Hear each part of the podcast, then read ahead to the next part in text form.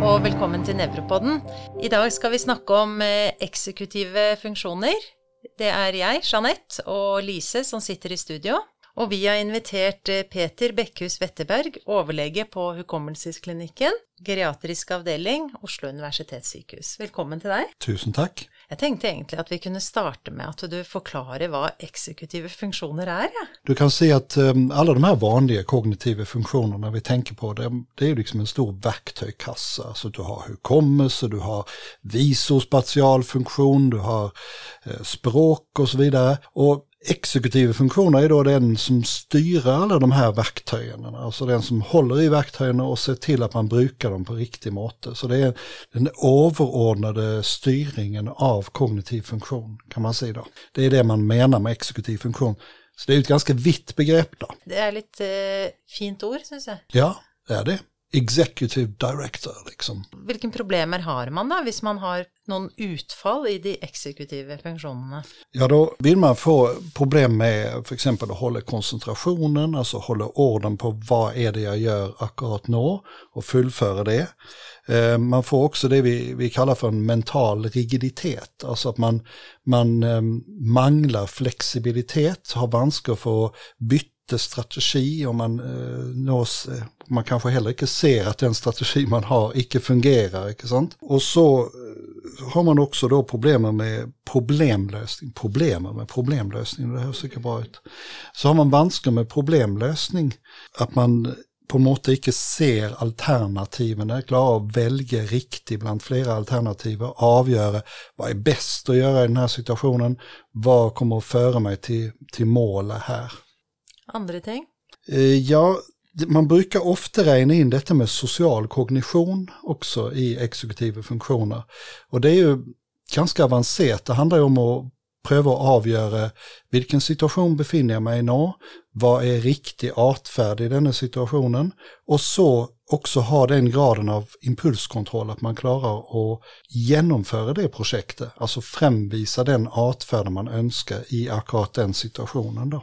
Altså för exempel hvis man er invitert til et middagsselskap og får en litt vond mat som man ikke liker, og så må man putte på et litt annet ansikt enn det man egentlig er. Det er Ja. en eksekutiv funksjon. Det är en exekutiv funktion. Eller om du är, säger att du är i gravfärd för exempel så, så vet du att det passar sig att du då begynner att krypa runt på golv eller resa dig upp och synga en glad sång eller så vidare. Eh, Och det är då dina exekutiva funktioner du brukar till att hålla tillbaka de impulserna du måtte få. Då. Om prästen säger att eh, han som avdöde var en väldigt hygglig man och du vet att han var en dust så reiser du dig opp og sier det da.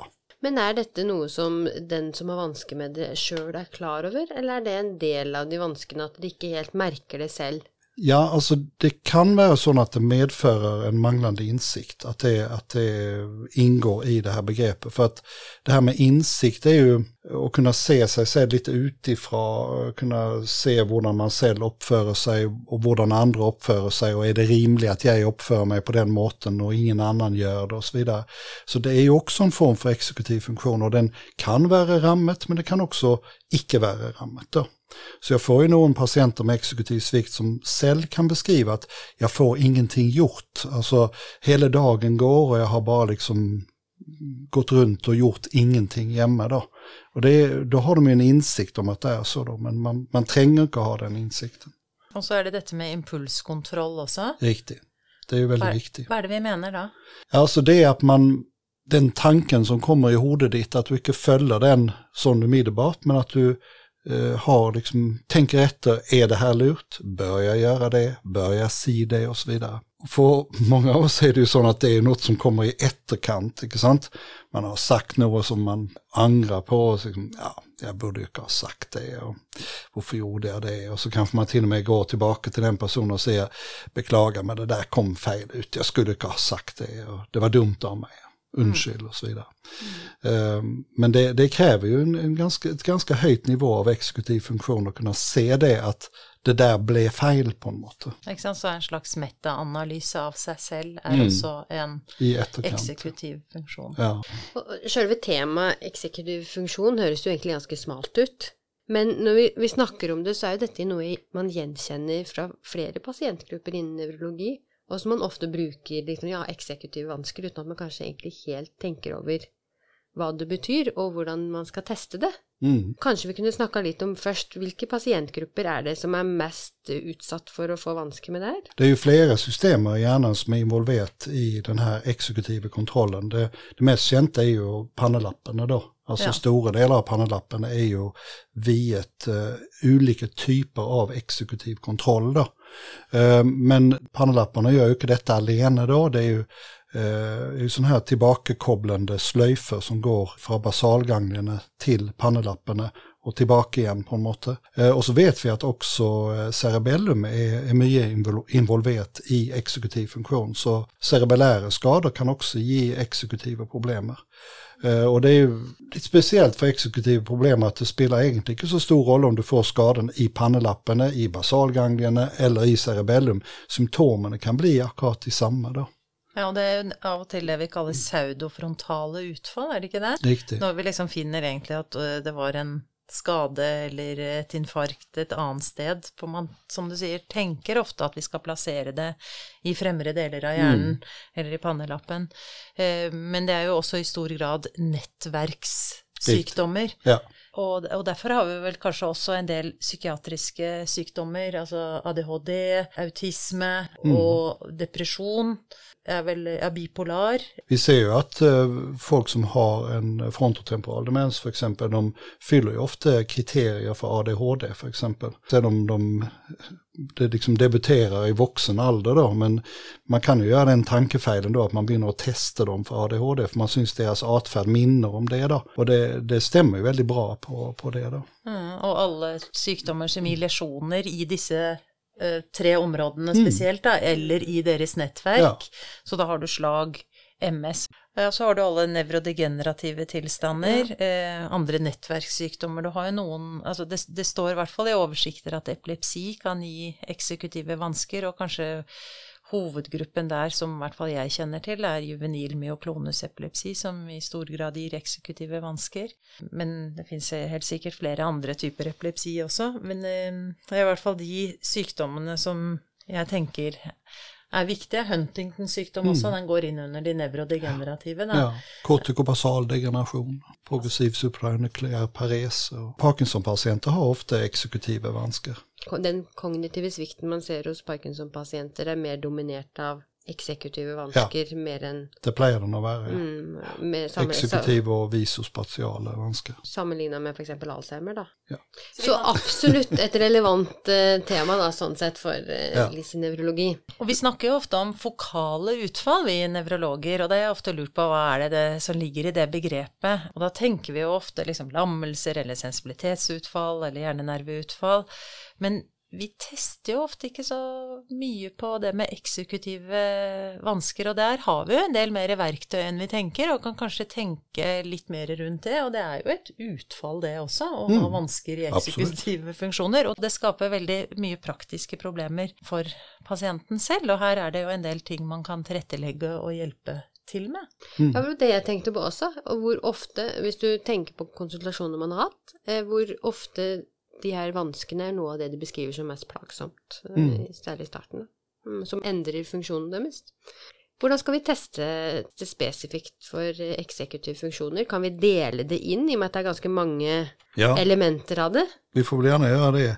Det är ju så att när man ska testa exekutiv funktion så är det ju viktigt att liksom slippa lös patienten, eller det man ska testa då. Eh, för att i många av våra standard neuropsykologiska tester, om vi tar en sån enkel som MOCA eller MMS eller något sånt, så eh, vägleder man ju folk hela tiden. Alltså man säger, nu ska du göra det och nu ska du repetera de så här orden och hur ska du nå så här orden som vi repeterat i stad. Alltså man, man fungerar som en, en slags executive director överför patienten och styra dem, vägleder dem genom hela situationen. Så man brukar se att det som är exekutiva momenter i tester, det är sånt som folk får finna ut av själv. Inte med att de får ett sätt regler de ska följa, eller att de själv får finna ut av vilka regler som, eh, som ligger under. Då. Och man kan se att det är det som gör att för exempel eh, att tegna en klocka eh, har en exekutiv komponent. För att där får man ett problem, man vet vad målet är på en måte, men du måste själv finna ut av hur du ska komma dig till det målet. Då. Och det de flesta av oss gör då är ju att sätta ut 12, 6, 3 och 9, sant? Mm. så sätter vi ut talen emellan och så placerar vi visarna. Men det att man gör det, sätter ut 12, 6, 3 och 9 för exempel, det visar att då har du faktiskt en plan. Då har du, eh, vet du vad det är du ska fram till och, och hur du ska nå dit. Då. Men så har du dålig exekutiv funktion så binder du gärna och skriver 1 högst upp, så skriver du 1, 2, 3, 4, 5, 6 och så ser du plötsligt, oj, det blev lite skevt det här. Så har du liksom arbetet utan att ha en plan. Och så är det ju så att någon moment av exekutiv funktion är väldigt vansklig att testa särlig för det att det är vanskligt att se vad som är normalt. Folk har ju väldigt olik eh, exekutiv funktion i utgångspunkten. Någon är ju extremt strukturerat och klarar liksom att hålla orden på allt och har liksom ingen sådana problem. Men så andra är liksom naturlig rotet idag och, och då avgöra vad är normalt och vad är faktiskt ett tecken på sjukdom. Det kan vara väldigt vanskligt alltså. Ja, det syns jeg er et viktig moment i hele samtalen vår, at vi er så ulike, og det, mm. det spennet er stort, så det er vel viktig å hente inn komparenter her, da. Det er det jo. At hovedfokus er tap av funksjon, da. Riktig. Ut fra det man har tidligere. Søsteren min pleier å erte meg litt med å ha mamma med på en sånn nevroferie hvert år, hvor jeg hvor vi reiser sammen, og da pleier jeg å be henne om å gjøre alt fra å bestille turen eh, til å kunne planlegge tog, fly og reise og besøke noen. Mm. Uh, og hvis hun klarer det, så har hun bestått av nev årets nevrotest. og da har, du, da har, du, etablert en baseline, ikke sant? For da vet du, da kan du sammenligne fra år til år hvordan gikk det i år. Og det, det er jo ja. veldig lurt. Altså. Så da spør hun alltid har mamma bestått i år. Ja, hun har bestått i år igjen. Så. ja, så jeg bruker å ta et eksempel eh, på vad, vad brukar vara en exekutiv funktion till i vardagen? Och då brukar jag ta exempel med att du ska slå plänen. Vad är det du tränger för exekutiva funktioner för att göra det? Ja, för det första må du göra en bedömning av plänens tillstånd. Alltså är det tid att slå plänen? Bör den slås idag? Eh, eller är det så att det akkurat har regnat så att det kanske inte är så lurt att slå plänen akkurat nu för att eh, gräset klumpar sig eller vad, vad det kan vara.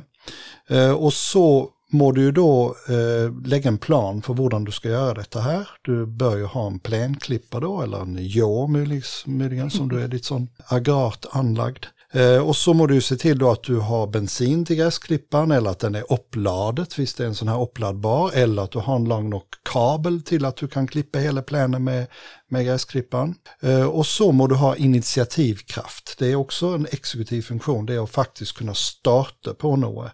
Icke bara sitta i stolen och tänka att nu borde jag ha slått plänen, men att du faktiskt då reser dig upp, tar ut plänklippan och sätter igång. Och så må du ha en plan för hur du ska slå plänen. Ehm, det vanliga är att man slår liksom fram och tillbaka, eh, går liksom i linjer fram och tillbaka på plänen. Och då må du också underveis ha kontroll, alltså en kontrollfunktion där du checkar att du överlappar passar mycket mellan de här linjerna. Du ska ju förflytta dig lite varje gång du går fram och tillbaka men inte för mycket och heller inte för lite då. Och det må du ju underveis då kunna korrigera på. Och du må ha den flexibiliteten att visst du ser nu att det blir stående igen en liten kant emellan där du har klippet så må du justera på det så att det blir riktigt. Och så må man också ha ämnen till att avsluta. Du måste stoppa och klippa när du har klippet färdigt. Du kan inte liksom gå över gatan och fortsätta att klippa grannens plän eller klippa blomsterbäddar och så vidare. Ja, det är det då. Du får vara sån att du persevererar då med den här artfärden, den här klippartfärden, men att du faktiskt klarar att stoppa när, när det är färdigt. Perseverering kan man ju se i eh, praktiska handlingar, men man kan också höra det i talen någon gång, folk som liksom hela tiden igentar detsamma och brukar de samma fraser eller tar upp det samma tema stadigt utan att det nödvändigtvis då skyldes hukommelsesvikt. Och det man ser med folk som har då en exekutiv svikt, det är ju gärna att de har initiativlöshet, de har vanskar med att lägga planer, de har vanskar med att värdera underveis om det de gör är lurt eller icke. Mm. Och så har de också ofta problem med att avsluta då, att eh, liksom la vara och göra det när de är färdiga då. Och så är det också det här att kunna behålla koncentrationen. Alltså fortsätta att klippa plänen, även om det ser något spännande ute på gatan så ska du inte förlata plänklipparen där och, och liksom börja göra något annat. Du ska liksom göra färdigt det du håller på med för du går vidare till nästa uppgave. Mm, så gjennomføringsevne. Det var en veldig fin måte å fortelle om eksekutive evner på. For jeg har ikke tenkt på at det er så mange elementer i plenklipping, og hvor viktig det er faktisk med alle disse elementene for å klare å få det til. Mm. Så det er en kognitiv test, det også, da. Det er det. Hvis man har eksekutive vansker, når du tenker på noe som man kanskje oppfatter som så enkelt som plenklipping, vil være så vanskelig, skjønner man jo også at dette vil jo kunne gi mye vansker i hverdagslivet. Mm. Det jeg lurer på er, er det noen tester som egentlig er ganske lett tilgjengelig for oss å lære oss, slik at mm. vi, i og med at vi har mange av de her pasientene med disse vanskene, at vi kan kartlegge det litt på forhånd før vi eventuelt henviser de videre. Det er jo sånn at eh, eksekutiv funksjon kan være vanskelig å vurdere, for at det er så varierende fra person til person. Men at man kan se på ulike deler av eksekutiv funksjon, for det er jo det är väldigt sammansatt detta med exekutiv funktion. Eh, och man kan se på sådana ting som arbetsminne, man kan se på om folk har ämnen till att resonera abstrakt, ehm, man kan se har de ämnen till att lösa problemer, har de en mental flexibilitet, har de normal impulskontroll och hurdan är deras sociala kognition. Allt det är ju ting som man dels kan observera i en undersökningssituation, inte sant? och dels kan eh, testa på olika måter. Det här med, med impulskontroll, det är ju då man kan se på måten folk uppför sig i undersökningssituationen. Vi är ju van till hur patienter normalt sett uppför sig när de är hos doktorn. Sant? De tar ju liksom mycket omedelbart upp ting som är, är fryktligt intima, hvis det är nödvändigtvis eh, tema för konsultationen då. Eh, och uppför sig vanligtvis höflig, snackar på en normalt höflig måte med, med lägen, icke överdrivet kritisk omedelbart om man aldrig har truffat varandra för och så vidare. Om man nu ska göra någon test med dem, för exempel man ska göra trainmaking test, eller klocketest för den delen, eh, att Ofta är det sån då med de med dålig impulskontroll att de kastar sig liksom över uppgaven utan att du har fått förklara vad de egentligen ska göra. Eh, de liksom tar papper utav dina händer och tar en penna och begynner att jobba med det man ska. Eh, och man kan också se det här man kallar brukarartfärd, alltså att de tar ting som ligger på bord eller ligger runt om i undersökningsrummet och undersöker dem och spör vad det är för något, eller begynner att bruka dem och så vidare. Så lite barnslig atferd egentligen, för det är ju sånt barn mm. gör. Egentligen observera väldigt mycket den första inntrykket. Da. Samtidig så er det jo sånn at en del er nervøse. Ja. Så man må tillegge kanskje noe det også, mm. men det kan kanskje øke litt av disse eksekutive vanskene når ja, man er nervøs. Det kan jo det. Ja, det är ju en helt annan diskussion, men, eh, men ofta snackar man ju med med för exempel ergoterapeuter som säger att ja, man må testa folk i deras hem så att de är roliga och trygga och liksom känt omgivelser och sånt. Och så kan man liksom se deras optimala funktion. Och det är ju helt riktigt, då kan man se deras optimala funktion. Men vi doktorer är ju alltid ute efter att leta efter tecken på sjukdom. Mm. Och hur ska man finna tecken på sjukdom? Jo, det är ju genom att provocera. Sant? Då ska man ju ta folk ut av deras vantemiljö och liksom ett helt okänt städ och ställer de vanskliga spörsmål, då ser man ju hur de reagerar på det då. Alltså omtrent som att om man ska se om folk har angina pectoris så sätter man dem på en testcykel och låter dem anstränga sig. Sant? Ja, det var digression. Får de något utfall på sån visuell eller verbal hukommelsestester? Nej, de tränger inte nödvändigtvis att få det då. Det är väldigt karaktäristiskt att de beskriver, patienterna beskriver ofta cell att de har dålig hukommelse och det ser också pårörande gärna. De säger att hans hukommelse är väldigt dålig, säger de. Eh, men visst, du gör en sån formell hukommelsestest, alltså det här med att man läser upp en lista med ord som de får repetera flera gånger och ska pröva att huska och så testar man igen när det har gått 20 minuter och så ser hur många ord de huskar, så gör de ofta det helt normalt. Men det är ju för det att där är man då i en situation där någon annan har den exekutiva kontrollen. Det är du som tvingar dem till att repetera de här orden gång på gång eh, och du som spör dem och ger dem ledtrådar. Men i en vardag då, där den exekutiva kontrollen är väldigt dålig, där icke du står och styr och dirigerar, då huskar de fryktligt dålig. För att de har inte den kontrollen. Då.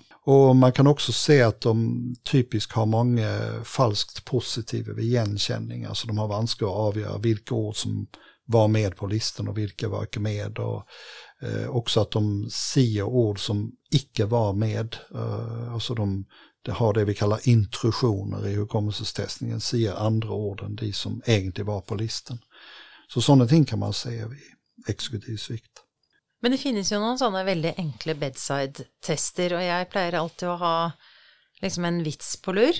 Eh, veldig dårlige vitser ofte, men jeg liker, liker det. Så i gaten eh, Har du hørt om eh, kannibalen som eh, kom hjem til middag eh, til kona? Kom for seint hjem. Vet du hva han fikk til middag? En kald skulder. Jeg, jeg velger noen sånne vitser fordi de er litt sånn upassende også. Så jeg vil gjerne se litt hvordan de reagerer. Det er en litt sånn plump vits. Og jeg syns noen ganger, hvis de har mye eksekutive vansker eller frontale utfall, så får jeg jo litt sånn «Ah, Er du helt teit, eller? Altså litt mer den veldig spontane sånn æsj, nei, det vil, det vil jeg i hvert fall ikke ha. Eller det går jo ikke an å spise en kald skulder til middag. Ikke sant? De tar det veldig konkret. Ja. Eh, eller at man bare måte sjekker om eh, Hva mener de med ordtaket 'ugler i mosen', for Ja. At de skjønner hva det er. Men yngre er jo ofte veldig dårlige på en del av eh, det med abstrakt, eh, abstrakt tenkning noen ganger, og i hvert fall ordtak. Om Og til og med Bjørnetjeneste, for eksempel. Det er ikke ja, og til og med klokker. De har jo ikke klokke lenger, sånn at klokketest er vel på vei ut. Men det, det er en helt digresjon, da. Men, men apropos det Jag med kunde, mm, protestera, abstrakt Hva sa du du protesterer? jag kunde protestera där. ja, men. Nei, men, men abstrakt tenkning, det tenker jeg at man må kunne klare å teste i Ja. type mottak, da. Og på et eller annet vis eh, fortelle en vits eller et ordtak, eller eh, prøve å tilpasse det mottakeren.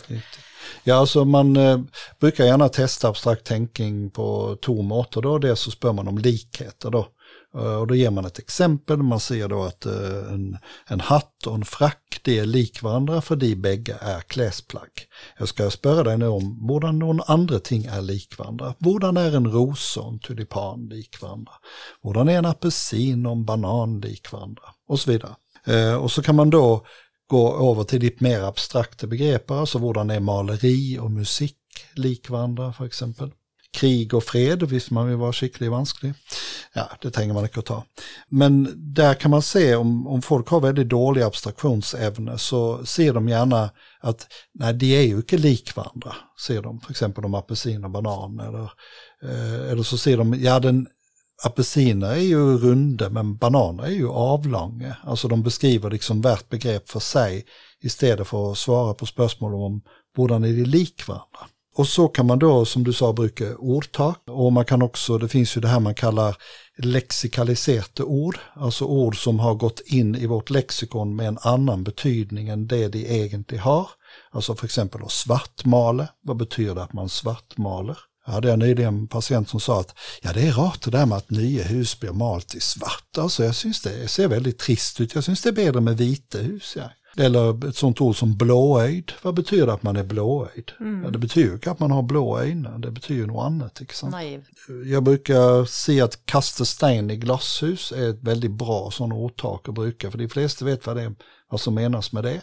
Och likadant att svartmala är också sånt som är väldigt brukt i dagligtalen. Då. Eh, Så att det är det där med, med, med abstraktion. Då. Det jo hele tida det, det manglende overordna blikket Riktigt. som mangler, da. Ja, man ser inte skogen för bara träd. Nej. liksom. I bedside-testing, da, eller når man sitter eh, på poliklinikken, så kan man også bruke en del andre testmåter, f.eks. alle kjøkkenredskaper du kan. Jeg vet ikke hvor mange man eh, skal kunne nevne for å klare seg. Det finns ju två måter att göra ordflytstest på. Egentligen kan man göra det vi kallar fonemisk ordflyt, alltså att du ska säga så många ord du kan som begynner på en bestämd bokstav. Ja, det er den fasttesten, Ja, FAS. det är liksom en konvention då att man brukar F, A och S. Grunden till att man brukar det, det är ju helt enkelt att där har vi väldigt mycket normer. Vi vet vad som är normalt. Ehm, så att då får man ett minut på sig att säga så många ord man kan på F och så ett minut att säga så många ord man kan på A och så så många ord man kan på S. Och så kan man då göra det vi kallar för semantisk ordflyt. Det är alltså att du får en kategori, som du sa för exempel kökenredskap. Eh, vi brukar ofta dyr och klär eh, av samma grunden. Där har vi med normalmaterial så vi vet liksom vad, vad folk klarar. Och då är det så att det är ju lättare att se ord från en semantisk kategori. Därför att det är liksom naturligt, det är sån hukommelsen vår är organiserat, den är ju organiserat som Stora Norska Lexikon. Sån att om man ser FAS så producerar man omtrent lika många ord som om man ser två kategorier. Så det är liksom lite lättare då. Så vid en exekutiv svikt så ser man gärna att de har vanskligare för att se fonemisk ordflyt. Alltså det kräver ju en aktiv letning i lexikon. Eh, och då blir det en vanskligare uppgave.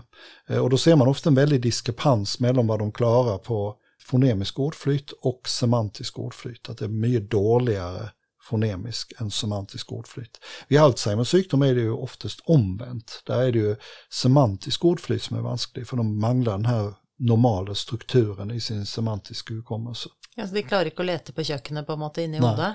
Ja, men Det er fine, fine tester og Jeg pleier ofte å bruke en annen test også. Jeg vet ikke helt hvordan du skal plassere den, men jeg ber dem om uh, å lage vaffelrøre Riktig, til meg. problemløsning. Fra de skal starte til de skal på en måte sette røra i vaffeljernet. Mm. Hva gjør de? Det är en väldigt bra test, det kallar vi ju praktisk problemlösning då. Eh, Och där finns det ju olika, som vaffelrören och sånt det är en väldigt, väldigt bra ting. Man kan också ta ett sånt praktiskt exempel, det kommer en räkning som du är helt säker på att du aldrig har betalt. Vad gör du då?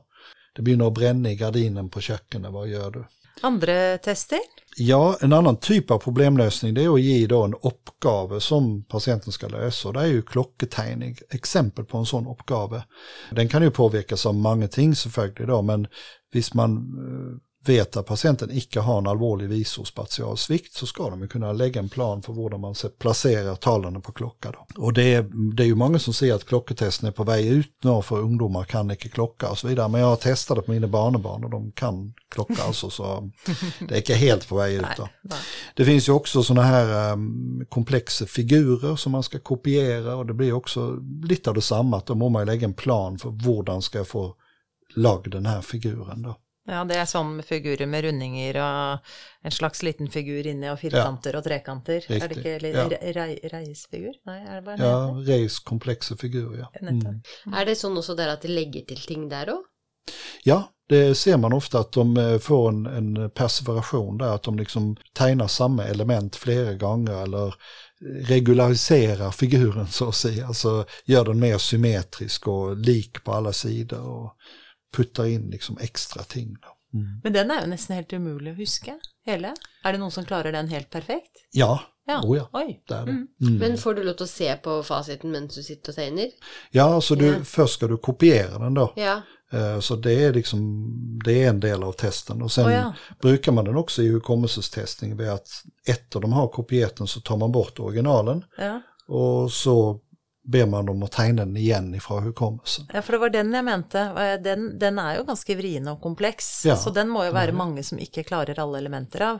Där, är, där finns det ju sån poängberäkningssystem och sånt. då. Mm. Så det er, ikke, det er ikke så kanskje viktig sånn i en eh, setting på poliklinikk Nei. hvor du skal gjøre en eh, rask vurdering, så da er det jo kanskje litt andre tester. Og impulskontroll har vi allerede vurdert litt i samtale Mm. og atferd, men er det noen sånn Det finns ju också någon tester för impulskontroll då. Och en, ett väldigt känt eh, testparadigma det är ju då att man ber folk om att fullföra sättningar.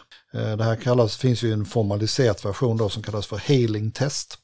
Eh, och då läser man alltså upp sättningar för personen där det sista ordet manglar. Eh, och så ser man då att din uppgave är att fylla i ett ord som fullförer sättningen. Och så läser man då upp sättningen och så stoppar man då föran det sista ordet och så ber man dem om att fylla i då. Eh, för exempel, det rike barnet gick på en privat, skole? just det. Ja. Ja. Och så gör man det med en massa sättningar och så gör man det på tid också. Så att man sitter med stoppeklocka och klickar hela tiden då så man liksom stressar dem lite att de ska se det fort. Sant? Och så eh, byter man förutsättningar. Då ser man att okej nu ska vi göra det på en annan måte. Nu ska du se ett ord som icke fullför sättningen? Det ska vara ett ord som överhuvud icke har någon sammanhang med sättningen för övrig. Vi tar ett exempel. London är en meget travel, Tegning. väldigt bra. For jeg har lyst til å si by, Ja. så man må jo hemme den impulsen. Ja. Akkurat. Så där ser du liksom betydningen av impulskontroll. Mm. Och visst folk då säger by så är det ju fel. Mm. Och då ser man att nej, det var också bra för by, det fullför ju sättningen och London är ju en meget travel by. Men visst du hade sagt London är en meget travel banan, då hade det varit ett bra svar. Så att de liksom förstår att det ska icke vara någon sammanhang. Och så gör man då likadant där, att man, man läser en räckesättningar där sista ord och Magda och så ser man vad de säger då. Eh, och har man dålig impulskontroll så är det otroligt vanskligt att motstå impulsen och fullföra sättningen korrekta. Eh, och där ska man i den testen så ska man varje gång då se, si Eh, visst de gör en fel, se att nej det, det var inte så bra för du ska se ett ord som icke fullföra sättningen och det ordet du sa det har ju sammanhang med sättningen och så vidare. Eh, så det är, en väldigt bra test för att avslöja manglande impulskontroll. Och någon eh, patienter har också sån insikt att de, de kan se det själv. Nej, jag skulle ju inte se det, säger de. Eller, jag, jag sitter bara och tänker på ord som passar in i och, och, så tar det liksom väldigt lång tid, för de ska ju se det så fort de kan. Inte Och det tar väldigt lång tid för dem att liksom tänka ut ett ord som icke passar in. Men friska folk, de gör det här väldigt lätt. Eh, och de ser sig oftast runt i rummet och så ser de ting de ser då. Eh, glass, eh, PC, telefon, inte? Eh, och det, blir, det är ju en effektiv strategi då. Mm. Jeg, jeg, pleier av og til å gjøre en annen test hvor du må hemme neste bevegelse, hvor du skal slå deg på låret med flathånd, med skråhånd og med samlet knytteneve. Riktig. Eh, hvor den er eh, Lurias motoriske sekvenser. Nettopp. Mm. Og det er ganske vanskelig, så hvis man prøver det med å slå med flat hånd, skråhånd og samlet hånd, Riktig. og så gjøre det i sekvens mm. etter hverandre så fort du kan, ja. så merker man at man hele tiden må hemme mm. en av bevegelsene sånn at den ikke slår igjennom. Og det er også en frontal test. Absolutt. Eller eksekutiv test, da. Eh, ja, kanskje litt riktigere. Eksekutiv, for dette det er mer enn de frontale eh, strukturene som kan gi eksekutive vansker. Ikke sant? Ja. Det er jo også Nå begynner vi jo nesten å runde litt av, for dette er vi litt tilbake til starten. Mm. For hva er det som gir eksekutive vansker? Det er mer enn frontallappen. Det er basalganglene, det er cerebellum og deres nettverk. Riktig har vi fått med oss en del. Er det noen flere tester som på tampen du har til å ta med? Ja, vi har jo sånn banketest da. Altså når jeg banker én gang, så skal du banke to ganger. Og når jeg banker to ganger, skal du banke én gang. Og, og, så bytter du da på å slå to ganger én gang. Eh, mm. Uh, og hvis du slår flere ganger etter hverandre to ganger, og så plutselig bare slår én gang, og så ser du klarer de å bytte strategi, da. Ja, så det er også en sånn fleksibilitets- og impulskontrollstest. da. Er det noen eh, test for sosial kognisjon som man kan objektivisere? Ja, det där är ju ett väldigt vrient område då, det här med att testa eh, social kognition. Um, och det är också så att folk är väldigt försäljliga där. Jag menar, vi har ju snackat om folk med exekutiv svikt och visst man tänker efter så känner man ju någon som är sån, icke sant? Som har lite sån manglande impulskontroll och dålig exekutiv kontroll och så. Uh, så, att, så att folk är ju så väldigt försäljliga där och, och, det gör att social kognition är väldigt vansklig att testa.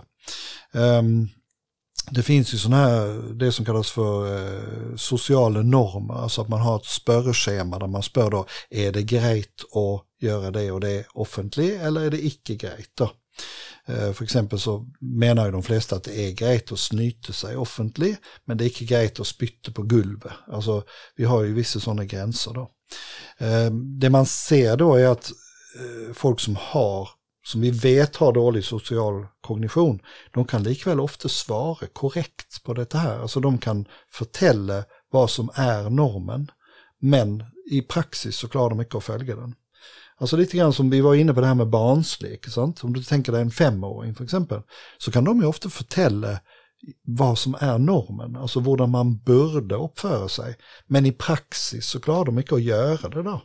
Så att du får lite av den eh, samma effekten där då. Något som man brukar en del det är ju det här man kallar för eh, theory of mind, alltså det här att förstå hur den andra tänker. Och där finns det ju en del eh, tester man kan bruka. Eh, det finns för exempel något som kallas för eh, flausetest eller the faux pas test som det kallas på engelska. Eh, och det går ut på att man förtäller historier där någon eh, begår en social flause. Och så spör man då om eh, dels vad var flausen och varför gjorde de det? Alltså vad var den här personens inre motivation för att göra detta här? Det blir ju lite mer avancerat då, men eh, det, det, är en test som eh, ofta kan avslöja en sån manglande ämne till att förstå hur den andra tänker då. Men så har du lite motsatt av det. Man kan alla känna sig igen i exekutiva flauser, om jag ska säga.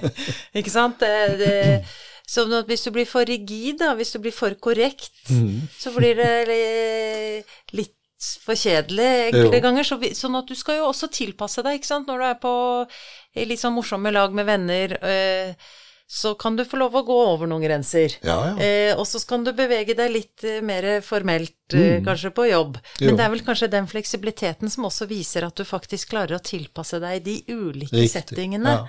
Eh, så du du ändrar lite grann mm. avhängig av var du är. Jo, för det är ju väldigt avgörande. Alltså det finns ju inget sånt fast regelsätt med hur du ska uppföra dig i alla sammanhang. Nej, och du är ju faktiskt olika avhängig av vilket land du är i. Ja. ja, och jag brukar säga det att om du sitter med en kompis och ser på fotboll och dricker öl så är det ju helt till sin orden att rapa för exempel. Det är kanske till och med så att du får ros för en speciellt lång och höjligt rap. Din kompis syns den var lång och fin. Men visst du sen dagen efter är på söndagmiddag hos svigermor så är det ju ett helt annat sätt med regler som gäller. Inte Och det, det, den, det det som du säger, den flexibiliteten och kunna förstå det att man ska tillämpa olika regler och mest väsentligt klara och genomföra det. Inte bara förstå att det är så, mm. men att ha den impulskontrollen att man hos svigermor så liksom sätter man handen för munnen och är lite diskret. Och så i vår setting handlar det om då ändring av funktion. För att ta höjd för det, att vi är ju olika i utgangspunktet. Fint. Eh, dette, ja, vi, vi har snakka oss nesten litt bort, men, men det har vært mye spennende.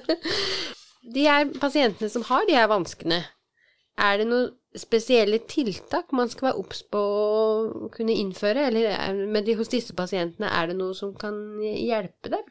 De trenger ofta hjälp med att, strukturera sin, sin vardag. Eh, och det är väldigt vanskligt att göra det med någon form för tekniska hjälpmedel. Någon kan klara det här med att sätta upp en lista över ting man ska göra för exempel. Eh, som de då kan kryssa av på ett och värt. Så det är en del pårörande som brukar det då att de varje dag lagar en lista över ting som Eh, patienten ska göra och så får de kryssa av att man är så konkret som möjligt. Då.